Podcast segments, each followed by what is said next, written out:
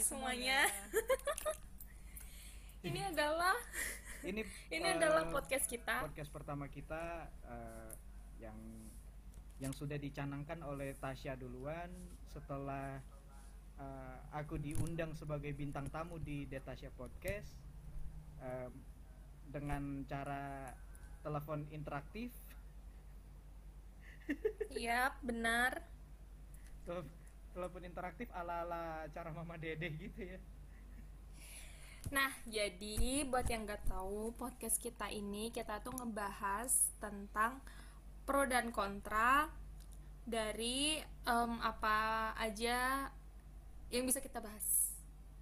Kok aku kaku ya? nggak apa-apa ya, namanya juga awal-awal bos oh iya iya iya. apa-apa lah awal-awal dan gue juga sekarang masih nervous loh kalau kayak kayak gitu sih Iya kan? Jadi buat yang bertanya-tanya, kenapa namanya hentai itu udah dijelasin sama Hendry di pilot dari podcast kita. yes Gitu. Jadi hari ini kita mau ngebahas tentang pro dan kontra tentang perselingkuhan. perselingkuhan agak Biasa kan- susah agak susah sih Sya, kalau mau dibahas sebenarnya kan karena aku eh, yang pertama satu jujur aku orangnya nggak pernah pacaran nih yang pertama Hmm. yang kedua prosesi untuk menuju ke tahap perselingkuhan itu masih kurang ngerti cuman eh, paham sih alurnya Oke. jadi, Jadi mungkin kan biasa banyak- itu ntar aku banyak nanya dulu deh samamu gitu biasanya nih. eh, kebetulan saya sih korban perselingkuhan ya. Saya nggak pernah selingkuh, tapi kebanyakan yang selingkuh itu cowok. Jadi saya eh, di sini eh, ngambilnya pro dan kau itu ambilnya kontra gitu. Karena kan biasa kan eh salah salah kebalik. I'm sorry. Maksudnya aku kontra karena aku kan nggak pernah tidak pernah menjadi pelaku selingkuh karena kan biasa kan laki-laki yang suka selingkuh bukan begitu Pak Henry? Kebany- eh, kebanyakan ya Jadi di sini aku itu em, kontra kontra tentang perselingkuhan, sedangkan Henry itu pro.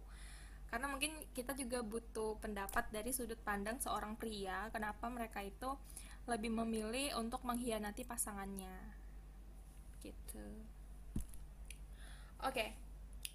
Sekarang kita mulai aja. Sekarang tapi aku tanya ke Henry dulu. Henry, kenapa alasan cowok itu selingkuh atau kayak em, nggak puas lah sama pasangannya dari segi mungkin pasangannya kayak udah nggak perhatian nggak apa itu kan sebenarnya kan bisa dibicarakan. Tapi kenapa kayak beberapa oknum cowok itu kayak lebih memilih untuk ya udahlah gue cari cewek aja biar gue nggak bosan-bosan juga gitu. Pandai bersilat lidah sih gampangnya ya. Hmm. itu kenapa tuh? Kalau menurut aku sih ya kak eh, yang pertama itu tuh eh, udah biasanya sepanjang perjalanan menjalin cinta mereka tuh udah nggak udah nggak sejalan eh, sudah Hmm. mulai eh, melihat tikungan yang eh, kayak gini deh ibarat lu jalan berdua nih hmm. salah pasti kan di antara kalian itu kan eh, ngelihat eh, sisi kanan dan sisi kiri sama kita kayak naik Mm-mm. naik ke puncak gunung kan nah Mm-mm. nggak mungkin salah satu itu nggak nggak melihat ke mana pun pasti melihat gang yang sekiranya mungkin lebih indah atau mungkin eh, merasa lebih sejuk ki- sekira perjalanan itu nah ketika mereka bertemu dua jalur yang berbeda padahal sementara masih bisa sementara masih bisa buat sama-sama lurus gitu Mm-mm. Nah, prosesi menuju belok itu tuh jadi eh, udah menjadi perdebatan ya. Nah, proses perdebatan itu yang eh, udah pemicu perselingkuhan itu tadi. Makanya ada Oke. makanya ada plesetan dari eh, setia, setiap tikungan ada. Maka it- itu masih bentrok tuh sama aku tuh. Tapi kenapa nggak putus aja? Kenapa lebih memilih menjalin perselingkuhan sama cewek lain misalkan, tapi sama ceweknya sendiri tuh masih tetap dipertahankan? Sama kayak eh, orang-orang yang hidup segan mati tak mau gitu. Ditinggalin nggak bisa, tapi pengennya mau nyambung ke yang lain gitu. Sebenarnya ada alasan yang mungkin em, cowok itu bilangnya kayak aku cinta keduanya. Padahal itu kan bullshit. Menurut aku menurut aku sendiri sebagai cewek cinta itu ya cukup satu orang. Tapi kalau misalkan cinta maksudnya di sini tuh posisinya itu cinta buat pasangan ya. Tapi kalau misalkan cintanya kebagi dua itu kan kayak udah nggak masuk di otak gitu loh. Itu kayak alasan yang klasik gitu.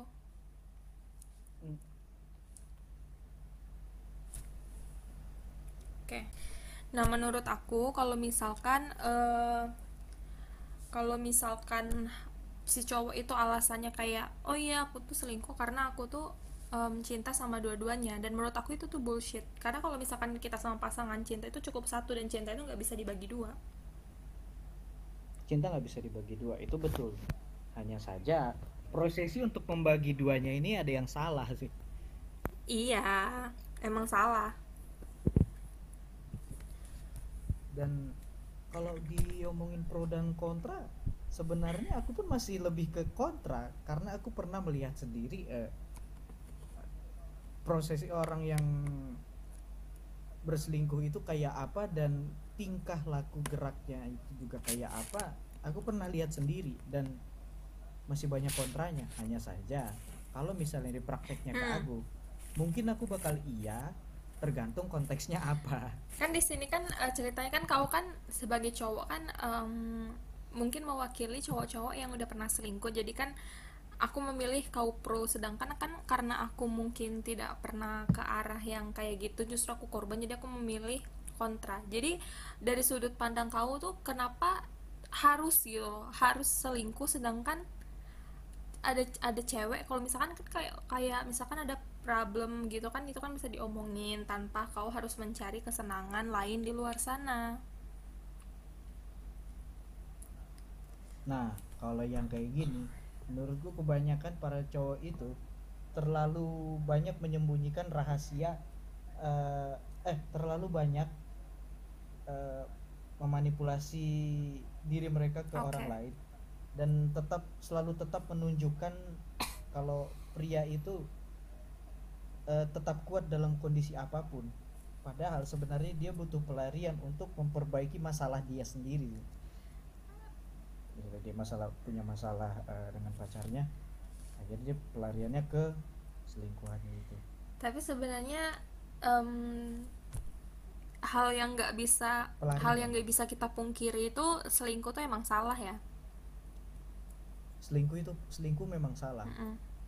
hanya saja proses pelariannya itu escapingnya itu udah salah itu kecuali kalau dia escapingnya mungkin diarahkan ke hobi atau ke yang lain mungkin masih benar tapi kalau eh, selingkuh itu udah Oke. salah sih dan kalau dan kenapa banyak orang yang menyetujui karena ya itu tadi kebanyakan para cowok itu terlalu mm, banyak mm, berbohong kepada dirinya Oke. sendiri kalau dalam dalam satu konteks masalah itu dia dia kuat dia tetap bisa mengatasi masalah Hmm. ini.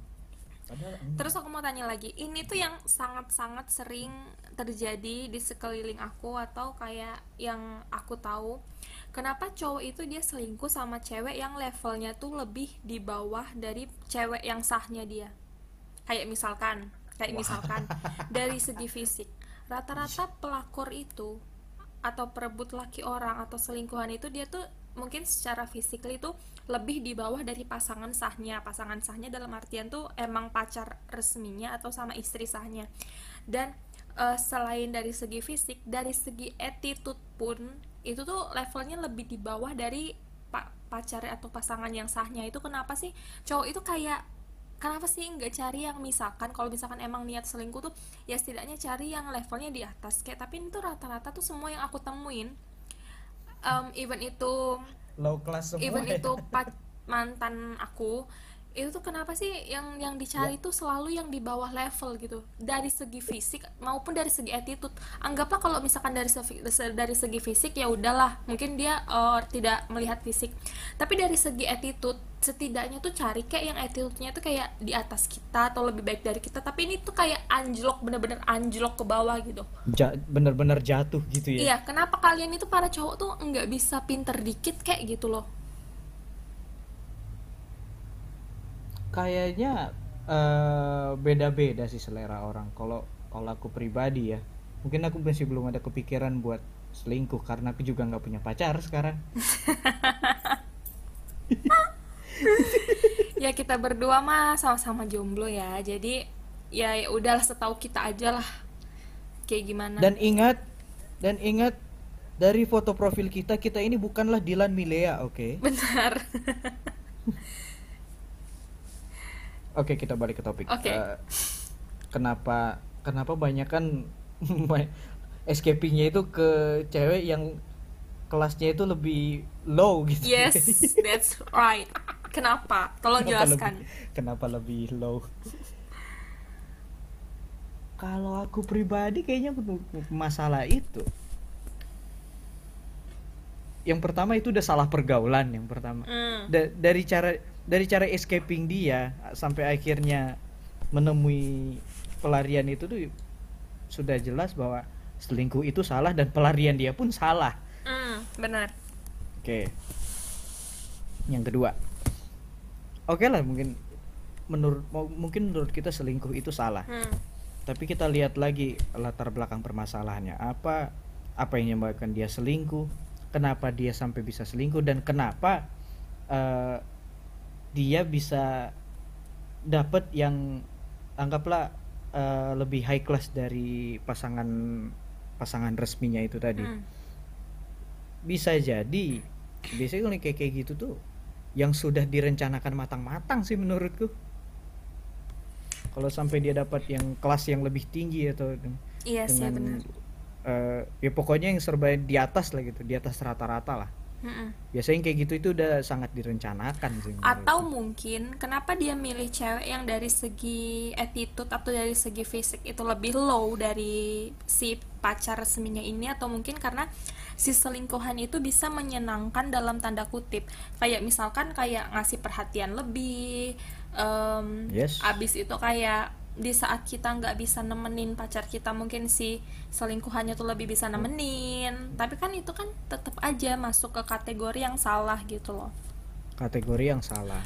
Misalkan kalau eh, si cowoknya itu nggak bisa nggak dapat perhatian dari pacar yang resminya itu kan bisa diomongin baik-baik. Ini kalau misalkan konteksnya kalau misalkan cowok yang benar ya. Tapi kalau cowok yang udah fuckboy itu dia udah nggak peduli nggak peduli. Oh gue punya pacar resmi gue punya pacar bayangan itu kayak oh artinya gue keren dong gue bisa eh, handle dua-duanya gue bisa tetap sayang dua-duanya. Menurut aku itu kayak bullshit anjir. Itu tuh kayak membuktikan itu kalau the real fuckboy iya dari real fuckboy. Mem- membuktikan kalau misalkan lo itu bukan cowok yang emang pantas dicintain tulus gitu. Itu udah itu udah nggak beres tuh kalau yang udah ngomongnya fuckboy itu udah ah udah au ah kalau Henry sendiri fuckboy atau enggak Mungkin untuk dalam proses pendekatan iya, tapi dalam pacaran enggak. Karena karena dalam prosesku selalu gagal. karena kan kalau misalkan masih pros- proses PDKT kan ya kita kan ya nggak salah juga sih PDKT ke lebih ke satu cewek itu kan artinya kan eh, ya ntar juga kita kan bisa tahu lah ya dari cewek-cewek yang kita deketin tuh mana yang pantas ya menurut aku itu nggak ada emang nggak ada salah sih Nah, sis eh, kalau kalau kita yang para pekerja ini udah sek- mungkin kalau yang dengerin para pekerja mungkin pernah dengar eh, praktek ini. hmm, apa tuh Saat kita melamar pekerjaan, Hmm. kita nerapin praktek tebar jala. Mm-mm. Artinya kita masukin lamaran ke perusahaan-perusahaan tertentu, berapa puluh lamaran gitu. Mm-mm. Mana yang manggil, pasti itu yang kita tarik kan. Hmm, Nah, begitu juga cara gunain pendekatan. dan em, ya tidak munafik juga sih mungkin cewek-cewek juga em, misalkan kalau misalkan ada di fase PDKT mereka juga pasti ada lah PDKT lebih dari satu cowok ya balik lagi em, untuk itu tadi untuk eh, menilai mana yang emang di antara beberapa cowok itu emang yang paling baik dijadiin pacar menurut aku kalau misalkan masih P- eh, fase PDKT sih emang gak ada salahnya ya Hen ya Eh, mana yang memberikan feedback yang baik juga pasti itu yang kita ambil pasti ya. Mm-mm. Ya setuju. Jadi kalau menurutku sistem tebar jala mau cewek mau cowok kayaknya sah-sah aja sih. tapi kalau misalkan udah eh, udah pacaran nih udah pacaran resmi menurut aku kayak udah nggak ada lagi cerita masih ngedeket-deketin cewek lain nggak nggak. Itu udah udah jangan jangan sampai lah. Apalagi sampai ngajak kenalan. Menurut aku itu kayak karena kekanak-kanakan banget. Kayak cowok labil cowok yang nggak bisa komitmen. Kayak kau udah kau udah pilih dia jadi pacar. Artinya kan dia akan orang yang baik tapi kenapa di luar sana kau masih ngajak kenalan? Mending kalau kalau kau sendiri nggak bisa komitmen mending jangan pacaran dulu mending kayak Ini jangan pacaran. Iya mending kayak ya udahlah PDKT lama pun nggak masalah. Tapi kan ini kan emang kan eh, status hubungannya kan emang PDKT bukan pacaran. Tapi kalau udah pacaran tuh stop ngajak cewek kenalan gitu. Itu kan berarti artinya kan eh, kau masih membuka hati buat yang lain. Setidaknya menjalani hubungan tanpa status pun sah-sah aja kan? Mm-mm. And so why? Emang sah-sah aja. Cuman ya balik lagi tapi kalau misalkan HTS-nya atau hubungan tanpa statusnya dia berjalan sampai berbulan-bulan itu udah masuk ke em, ke Ini tuh kriteria udah masuk tahap kalau pacaran sih menurutku. What? Kalau menurutku sih udah termasuk tahap pacaran itu. Gini. Karena maksudnya kayak tahun eh, anggaplah eh, sampai berbulan-bulan gitu oke. Ya itu bukan ber- bukan berarti tanpa status justru udah ada statusnya malah. Enggak. Hanya saja tidak hanya saja kalau menurutku kebanyakan hubungan orang ini tetap berstatus tidak diumbar-umbar gitu. No. Aku sendiri mengalami hubungan tanpa status selama berbulan-bulan tanpa ada kata oh jadi status kita apa pacaran? Dan si si cowok ini dia cuman bilang kayak ya udah jalani aja dulu lah. Emang jalani aja dulu itu pacaran? Enggak hen. Maksudnya kayak ada mungkin ada beberapa orang Oh, yang enggak juga. Ada mungkin ada beberapa orang yang menjalani hubungan tanpa status selama berbulan-bulan bahkan mungkin bertahun-tahun. Itu mungkin mereka nganggapnya em, eh, kita pacaran. Tapi itu tuh cuman dari satu pihak aja yang nganggap pacaran. Pihak yang lain tuh mungkin nganggapnya eh, cuman PDKT jadi dia mm, Hanya mungkin PDKT kayak gitu. teman spesial kayak teman tapi mesra tapi di sisi lain dia juga melakukan hal itu ke cewek-cewek yang lain juga. Ke ke cewek lain iya. Itu kan emang definition of fuckboy. Ngerti kan maksud aku? Ih, tapi aku tapi aku nerapin PDKT kayak gitu tuh bukan cuma satu dua orang. Gini. Banyak dan itu semua berjalan di waktu yang sama. Menurut aku adalah cowok yang em, cowok yang baik-baik atau cowok yang emang bener-bener tidak mau menyakiti hati perempuan itu adalah cowok yang bilang kayak kayaknya kita nggak bisa deh maksudnya nggak bisa lama-lama kayak gini. Aku cuman pengen kita temenan aja nggak lebih. Nah setidaknya kan ada penjelasan tapi kalau dia tetap ada. Terus terus terus kayak HTS terus terus perhatiin ini cewek. Terutama kan ini cewek kan baper. Tapi se- setiap ini cewek kayak menanyakan kejelasan hubungan si cowok tuh kayak selalu eh, lari dari topik itu gitu loh. Kayak selalu tidak mau membahas. Itu yang Selalu mengalihkan salahnya topik ketika di ketika ditanyain ya. Iya benar, tapi di sisi lain juga dia kayak tetap mau have fun, tetap mau have fun dengan keadaannya yang eh, di sisi lain juga mungkin dia ada perhatiin cewek lain atau gimana. Jadi bukan si cewek ini doang gitu. Itu salahnya itu adalah kayak definisi laki-laki yang emang tidak bisa berkomitmen.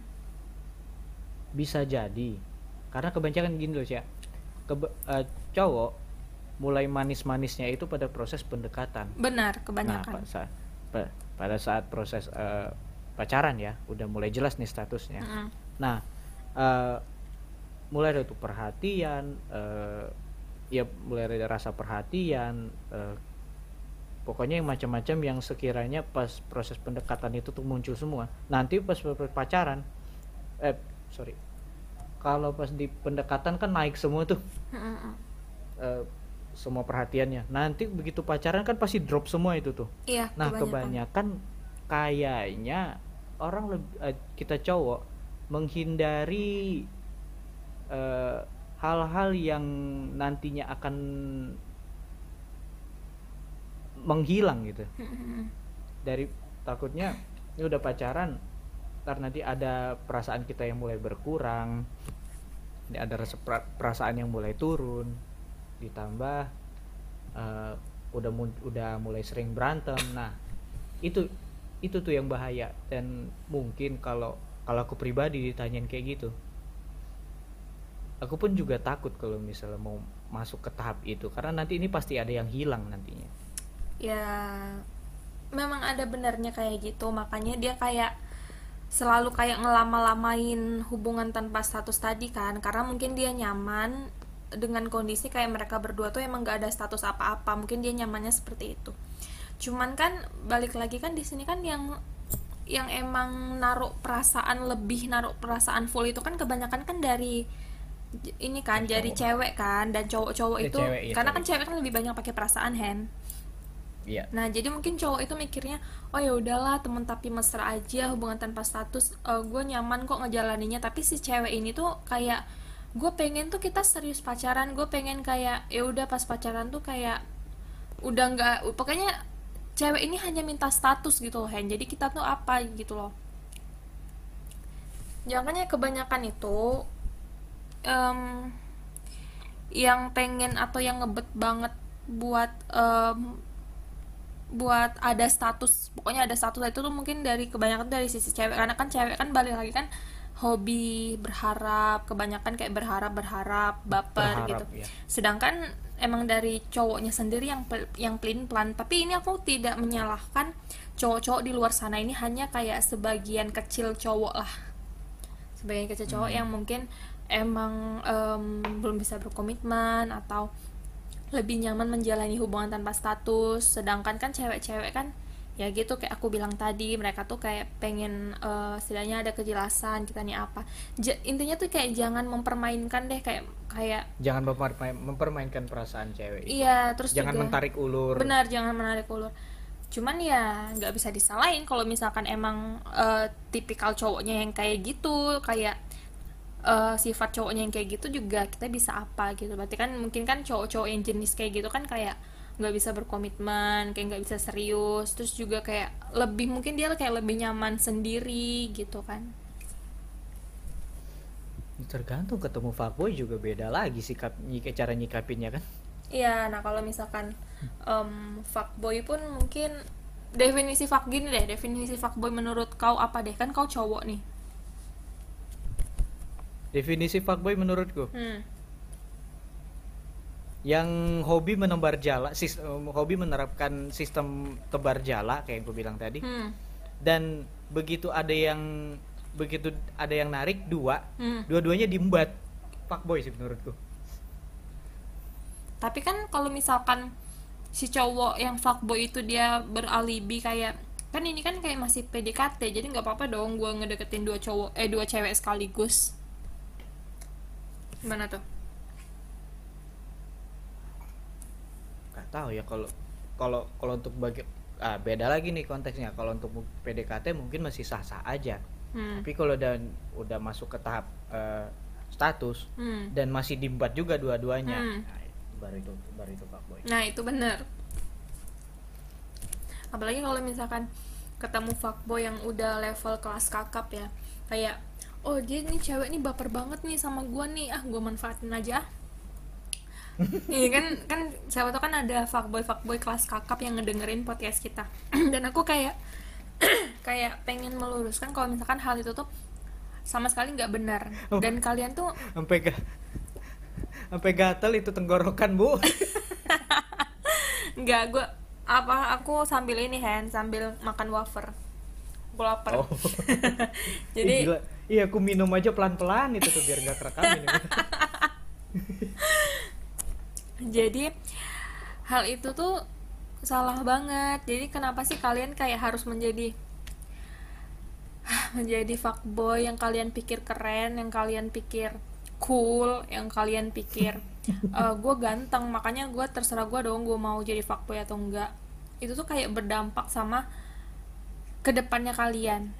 Pernah dengar nggak sih eh, kalimat kayak apa yang kamu tanam itulah yang kamu tuai. itu yang akan kamu tuai ya Yes, that's Dan itu aku beneran kayak beneran ngera beneran ngerasain kalau misalkan itu tuh kayak cuman bukan hanya sekedar kalimat, itu tuh mungkin juga bisa emang beneran kejadian kayak it's karma. itu kalimat itu juga pasti bakal pengaruh ke kegiatan apa pun entah itu bekerja entah itu belajar entah itu eh, ya pokoknya apa pun pasti It pasti bisa diaplikasikan dan pasti ba- pasti diterapin itu dia. benar itu kan juga Pas salah satu kayak perbuatan yang nggak bener kan tuh juga kan kita kan punya Tuhan nih balik lagi kalau misalkan Mm-mm. Tuhan ngelihat perbuatan kamu yang enggak baik mungkin kan juga suatu saat kan kayak Tuhan tuh kan juga pasti bakalan kasih kamu pelajaran kan dan itu tuh nih yang istilah namanya karma lah. Misalkan kamu kayak ya karma. mainin cewek tapi ntar suatu saat kalau misalkan kamu udah jatuh cinta banget sama cewek lain gitu tapi cewek lain ini tuh emang kayak nganggep kamu temen kayak nganggep kamu biasa aja cuman PDKT tapi ujung-ujungnya si cewek ini tuh ghosting lah si cewek ini ninggalin kamu lah. Nah kamu bisa balik lagi tuh mikir oh kok gua kok sekarang em, kayak istilahnya tuh kayak di campakin nama cewek. Oh mungkin gue dulu pernah gituin kali ya gituin cewek yang emang bener-bener em, emang ada rasa ke gue cuman guanya tuh mungkin nggak peka atau guanya terlalu mempermainkan perasaan dia. Ya, mungkin itu emang kadang emang beneran kejadian. Ba- ba- banyak sih. Kalau kita kalau kita lihat di lingkungan kita sekitar tuh pasti ada sih contohnya. Jadi nggak usah ngambil jauh-jauh kayak dan kayak selingkuh juga bisa ya Hen ya misalkan kamu lebih memilih selingkuhan kamu mungkin daripada pacar kamu terus ntar ujung-ujungnya kalian juga nggak akan langgeng kan nggak akan langgeng karena sesuatu hal yang dimulai dengan tidak baik pasti akan berakhir dengan tidak baik juga Ya, benar aku setuju. Di sini aku bukan mau menyindir atau menyinggung seseorang ya, tapi kebanyakan emang seperti itu gitu. Apa yang kamu kira baik, yang awalnya kayak oh dia baik ya yaudah ya gue kayak lari ke dia aja nih gue tinggalin nih yang pacar gue yang ini. Tapi ujung-ujungnya ya Tuhan berkata lain. Kalau misalkan emang si orang itu bukan emang yang bukan yang terbaik karena kan cara pendekatan kalian mungkin salah gitu. Dan orang yang kamu meski yang kamu pilih buat dijadiin selingkuhan itu emang emang cewek nggak bener kecuali ketika escaping itu adalah pelarian untuk membuat dirimu lebih baik hanya saja caranya yang salah. Mm-mm. mungkin dirimu mungkin orang-orang itu akan diberi pelajaran yang setimpal agar ke depannya bisa memperbaiki yang telah rusak gitu. Iya bener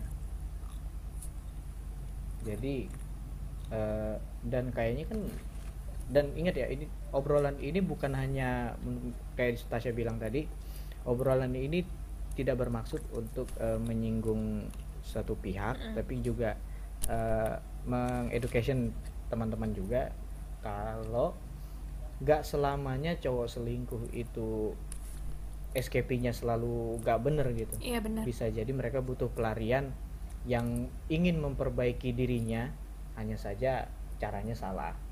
Tapi tenang aja kan kita manusia kan yang pendengar-pendengar kita kan juga pasti ya bukan orang bukan orang yang tidak berpendidikan pasti kan dan pasti kita semua beragama tetap tetap aja kita doakan supaya eh, teman-teman yang pernah eh, selingkuh me- me- melakukan perselingkuhan kita doakan aja tetap eh, kita doakan aja mereka eh, selalu dalam lindungan Tuhan yang Maha Esa Allah Subhanahu dan wa taala. sadarlah dengan kelakuan mereka gitu yes. Oke. Tetap doakan yang terbaik aja. Iya, benar, mudah-mudahan ditunjukkan jalan. Karena sesuatu hal yang jahat kalau misalkan kita balas kita dendam itu tuh kayak nggak akan menyelesaikan masalah. Jadi balik lagi kita kayak hanya bisa memaafkan dan mengikhlaskan apa perbuatan dari yang dia lakua eh, lakukin gitu. Setidaknya memutus karma buruk itu juga Mm-mm. kita juga memutus karma buruk kita daripada benar. kita Jadi membal- aja lah. kita membalas ya pada akhirnya nanti balasan itu akan kembali ke kita Iya benar. Terus juga kalau misalkan dendam itu juga tidak menyelesaikan masalah ya Hen ya? Kayak malah bikin Enggak. tambah banyak pikiran. makin makin runyam dong Iya benar makanya itu. Pepatah mengatakan air jangan kayak air susu dibalas dengan air tuba. Suatu yang baik itu jangan dibalas kayak dengan kejahatan juga. Itu tuh nggak benar. Perbuatan yang Yes. tidak terpuji lah. kalau kata Gofar Ilman air susu dibalas dengan air Jordan pa- pantas nggak sih bu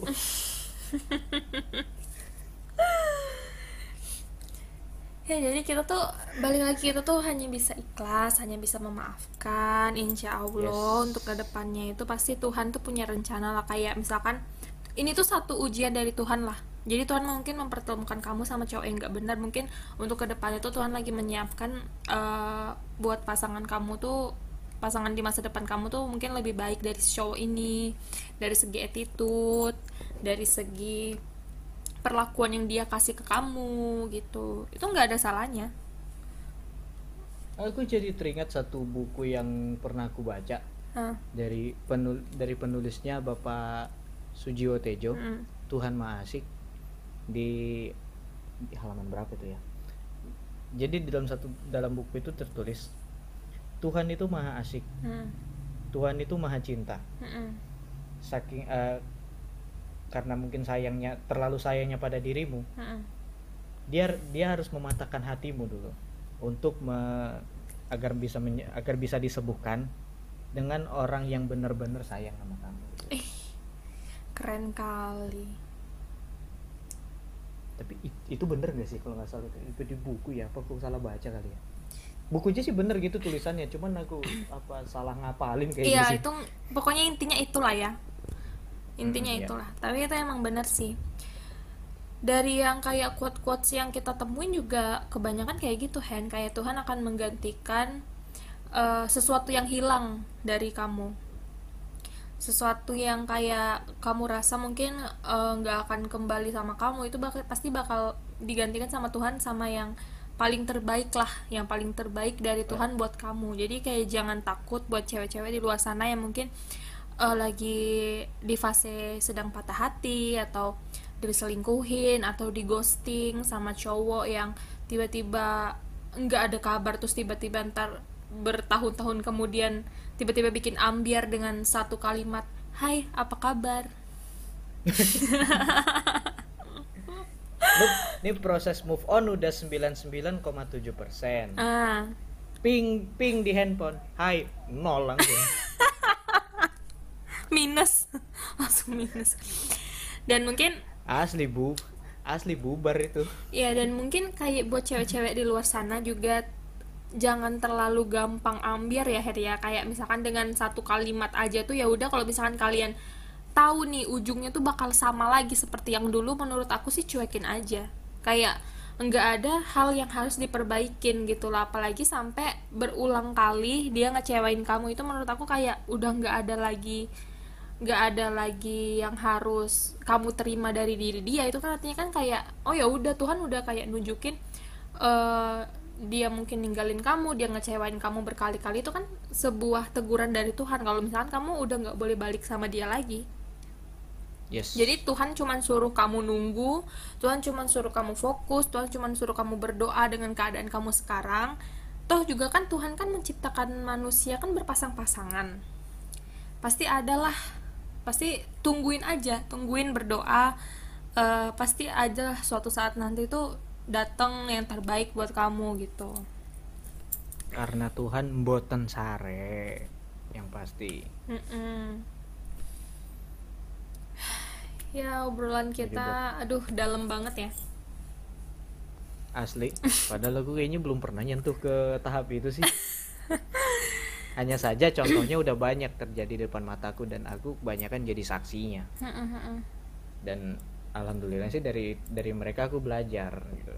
Eh, sebenarnya escapingnya itu bisa gini, tapi kenapa harus gini? Sebenarnya bisa kayak gini. Jadi tahap-tahapan penyelesaian itu sebenarnya bisa. Hanya saja balik lagi ke pendewasaan mereka yang masing-masing itu aja. Dan ini bukan kita di sini bukan menyalahkan cowok ya, karena Henry sendiri cowok ini tuh berlaku universal, jadi berlaku buat misalkan Universal. eh, cowok yang ditinggal cewek atau cewek yang ditinggal cowok, ya intinya itulah. That's it. That's the point, man. Ya kalau misalkan kalian merasa sulit untuk mengikhlaskan seseorang, sulit untuk memaafkan seseorang, ya itu sih ya kita sih kayak nggak bisa nyalahin karena itu tuh emang sulit dan aku sendiri nih ngalamin. Jadi em, saran dari aku sih pelan-pelan cobanya tuh pelan-pelan jangan langsung aku tidak menyuruh kalian ini cowok atau cewek aku nggak nyuruh kalian yang langsung langsung move on gitu karena aku tahu itu sulit karena kan ini kan yang namanya move on kan perlu bertahap bertahap bertahap bertahap gitu jangan langsung ini ya nggak apa-apa mungkin seminggu dua minggu kalian masih nangis tiap hari ya itu sih nggak masalah kayaknya nggak emang nggak ada salah cuman pelan pelan pelan pelan terus juga kita yakin kok kalian tuh bisa gitu. Buktinya aku aja bisa. Henry mungkin juga pernah mengalami kayak gitu juga Henry mungkin sekarang bisa kan? Bukan karena bisa tapi karena terpaksa sih dan karena terlalu sering sih yang ianya. Oh oh lu sering Hen? Baru tahu aing. Sabar ya tapi tapi karena proses karena hanya dalam proses pendekatan jadi ya ya udahlah mungkin uh, ada pick up line aku yang salah jadi tetap mengevaluasi mengevaluasi diri lagi. Bener itu aja sih. Ya kita cowok mah kayak gitu. Jadi buat orang-orang yang dengar di podcast kita, mungkin kalian sedang ada di fase ditinggalkan, sedang ada di fase galau-galau. Kita selalu yakin kalian pasti bisa, kalian pasti bisa keluar dari lingkaran setan, lingkaran, lingkaran, lingkaran kegalauan yang dibangun oleh para fuck girl, para fuck boy yang udah nyakitin kalian. Kita yakin kalian bisa. Dan kalian jangan jangan ada eh, hal-hal yang kalian tanemin di pikiran kalian kayak oh Tuhan pasti bakalan bales kok. Dia sekarang ninggalin gue dia suatu saat bakal ditinggalin sama cewek atau sama cowok yang dia sukain. Kalian jangan berpikir kayak gitu. Itu namanya jahat. Apa bedanya kalian sama dia kalau misalkan kalian masih menanamkan hal-hal atau kalimat-kalimat yang di pikiran kalian tuh kayak gitu? Itu tuh nggak bagus. Itu tuh kayak toxic. Itu tuh kayak pokoknya itu tuh Itu jelek banget toxic. deh pokoknya kalian tuh cuy sekarang nih ya saran aku. Kenapa aku atau jatuhnya jat dan jatuhnya juga udah sama aja kayak nyumpahin gitu. Iya makanya dan kenapa aku sama Hendry mungkin kita bisa jadi orang yang kayak ya udahlah mungkin juga kita kan eh, pernah move on juga. Itu karena mungkin eh, salah satu dari kita kayak mengikhlaskan kayak kalau misalkan kalian sedih dengan kelakuan dia doakanlah. Karena suatu hal Doakan. yang kalian doain itu juga pasti bakal berbalik ke kalian yang baik-baiknya gitu setuju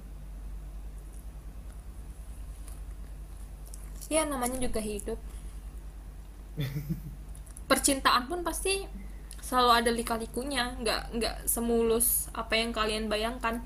Jangan berekspektasi tinggi lah saat PDKT itu aja.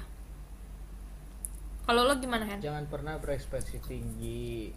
Meskipun aku yang selalu berekspektasi dan berimajinasi tapi tetap aja harus realistis. Bener bener bener bener logika kalian tuh jangan jangan terlalu kalah sama ekspektasi kalian yang mungkin aja tuh kayak tidak akan sama gitu apa yang dipikirkan kalian sama yang beneran bakal terjadi ke depannya.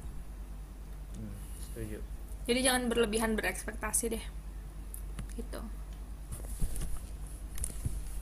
Oke, mungkin kayaknya untuk episode pertama udah udah oke banget nih buat diupload nih Sya. Iya. oh setuju sih Asli. aku tidak sabar buat Dan- ngedengerin suara kita di podcast Wow. Jadi buat teman-teman hentai Henry Tasya, tetap aja harus harus aku klarifikasi lagi jangan sebut hentai plong gitu. Aduh. hentai pakai y bukan pakai i karena kalau udah pakai i itu maknanya beda Dan gambarnya juga pasti bukan ini. Iya, gambar- bukan Dilan Milea ini. Ya Allah konten yang sangat ramah anak bukan ya tapi bener loh aku waktu aku promote di WhatsApp mungkin dirimu lihat tuh kan ya sama di IG Hmm. konten kami sangat ramah dengan anak Pad- padahal di bawahnya tuh mau aku tambahin logo parental advisory explicit content. Dan mungkin juga ke depannya enggak cuman kita berdua aja ya Hen ya yang ngisi podcast ini. Mungkin ada teman-teman kita mungkin yang mau gabung juga nggak apa-apa. Oh, nanti bakal ada bakal aku bongkar kenapa podcast ini bisa ke, bisa terjadi dan bisa kejadian dan awal mulanya gimana. Iya, ntar aku ntar bakal kita bongkar per episode. iya next episode Jadi mungkin episode kali Pelan-pelan. ini udah selesai kali ya karena ya udah apa yang semua di pikiran kita tuh kayak udah kita tuangin di podcast ini semuanya. Untuk tema ini sebenarnya alhamdulillah tidak ada kusiapin dengan apa-apa hanya co- Iya hanya spontan, aja. Iya gitu. bener spontan aja. Iya sebenarnya spontan karena ya ya itu tadi contohnya itu udah terlalu banyak tadi tuh jadi ya mungkin ada saatnya kita obrolin gitu dan ingat podcast ini bukan podcast yang formal ya tapi anggap aja kalian lagi dengerin kita ngobrol di warung kopi gitu Iya bener mungkin atau kalian kayak eh, nggak bisa tidur atau pengen Yes. ngedengerin celotehan-celotehan anak muda masa kini seperti kita asik. Yes. Jadi kalian bisa dengerin podcast kita daripada kalian gabut. Sama ini biar em, viewer apa bukan viewer sih pendengar podcast kita juga tambah banyak. Terus mungkin kalian yang dengerin ini kalian bisa share ke Insta Story, share ke Facebook atau ke story WhatsApp buat orang-orang tuh dengerin podcast kita. Tidak ada salahnya untuk menyebarkan suatu hal yang kalian pikir tuh asik, menyenangkan gitu. dan tetap dan tetap eh, ketika ketika menyingkapi suatu masalah eh, bersikaplah netral lihat eh, di berbagai sudut pandangnya. Jadi buat teman-teman eh, stay smart. Buset formal banget gue ya Allah. Stay smart, stay strong buat orang-orang di luar sana yang yang aku bilang tadi Yes. yang mungkin ngerasa patah hati atau ngerasa banyak masalah di hidupnya apalagi kan corona-corona kayak gini kan banyak orang yang mungkin di PHK atau mungkin banyak orang yang sedih karena keadaan kayak Betul. gini mereka nggak bisa have fun sama teman-temannya gitu. Jadi kita cuma bisa bilang stay strong guys. Dan- tenang kalian tidak sendiri. Bener banget. Jadi Jadi- ya gitu deh. cukup sekian buat para pendengar Hentai Henry Tasya Podcast. Sampai jumpa di episode selanjutnya. Ta ini Henry. Aku Tasya.